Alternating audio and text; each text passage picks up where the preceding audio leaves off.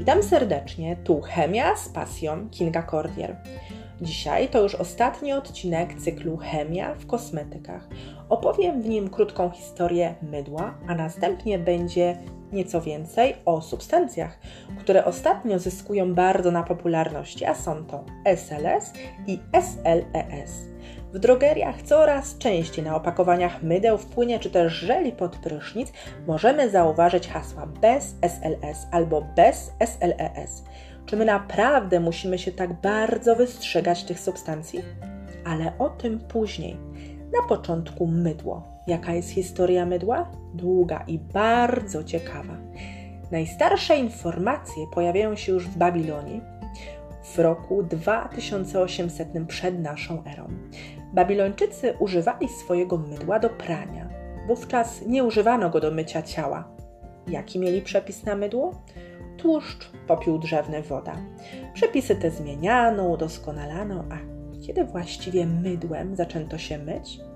W II wieku naszej ery zalecano stosować mydło do mycia. Dobrze, przejdźmy teraz nieco dalej. W 1780 roku James Kerr, szkocki chemik, otworzył zakłady chemiczne i niedługo potem wytwórnię mydła. W 1807 roku Andrew Pierce wytworzył w Londynie przeźroczyste mydło a w 1865 roku William Shepard opatentował płynne mydło. Wynalazek ten bardzo ułatwił mycie, ale też i pranie. A z kolei w 1886 roku William Hesketh Lever założył firmę mydlarską, która dziś wchodzi w skład koncernu Unilever. I skoro doszliśmy już do mydła w płynie, weźmy je pod lupę. Sprawdźmy jego skład. Jako drugi składnik po wodzie pojawia się SLS, czyli laurylo-siarczan sodu, albo SLES. I co to jest SLES? To jest sól sodowa siarczanu oksyetylenowanego alkoholu laurylowego.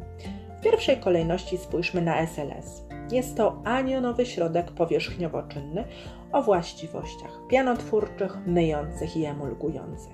Skoro jesteśmy przy właściwościach pianotwórczych, chciałabym tutaj powiedzieć, że wiele z nas myśli, że skoro coś się słabo pieni, to też słabo myje, ale to jest mit, ponieważ ilość piany absolutnie nie ma związku z właściwościami myjącymi.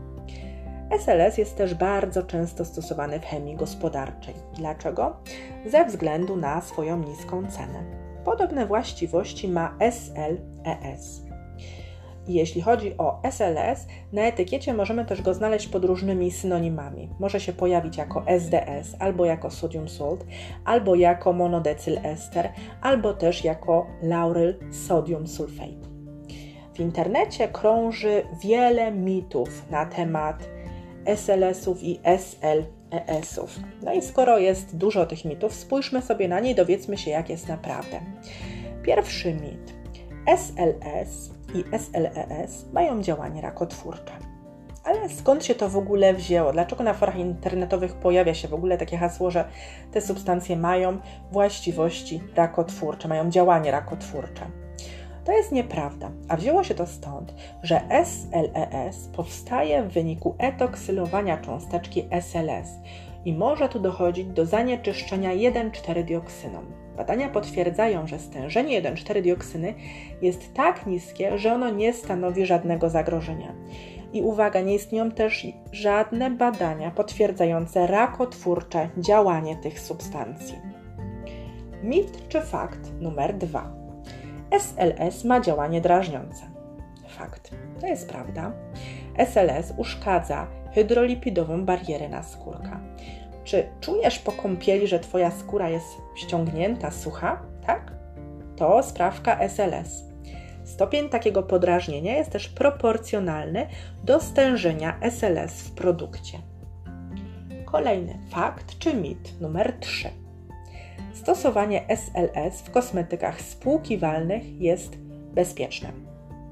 Amerykańscy eksperci uznali, że stosowanie SLS-ów w kosmetykach, które spłukujemy, jest bezpieczne, zaś w kosmetykach, które pozostają na skórze, stężenie nie powinno przekraczać 1%. Fakt czy mit numer 4. SLS może wywoływać atopowe zapalenie skóry. Fakt. U niektórych osób może on wywoływać stany zapalne skóry i AZS, czyli to atopowe zapalenie skóry. Co więc mamy zrobić, jeśli chcemy unikać SLS-ów i SLES-ów? Czego powinniśmy szukać w składzie? Mniej drażniących detergentów, a są to glukozyt kokosowy. Kokoglukozid jest niejonowym środkiem powierzchniowo-czynnym. Może to też być glukozyt decylowy, kolejny niejonowy środek powierzchniowo-czynny uzyskany z surowców odnawialnych. Może to też być kokoiloglutaminan dwusodu. I na koniec wymienić też chciałabym poliglukozyt laurylowy. Bardzo dziękuję Państwu za uwagę. Jeśli nie słuchałeś, nie słuchałaś jeszcze wcześniej moich podcastów, zapraszam na poprzednie odcinki z cyklu Chemia w kosmetykach. I tradycyjnie na koniec zapraszam na podcast już za tydzień. Za tydzień rozpoczyna, rozpoczynam nowy cykl podcastów, tym razem Chemia w żywności.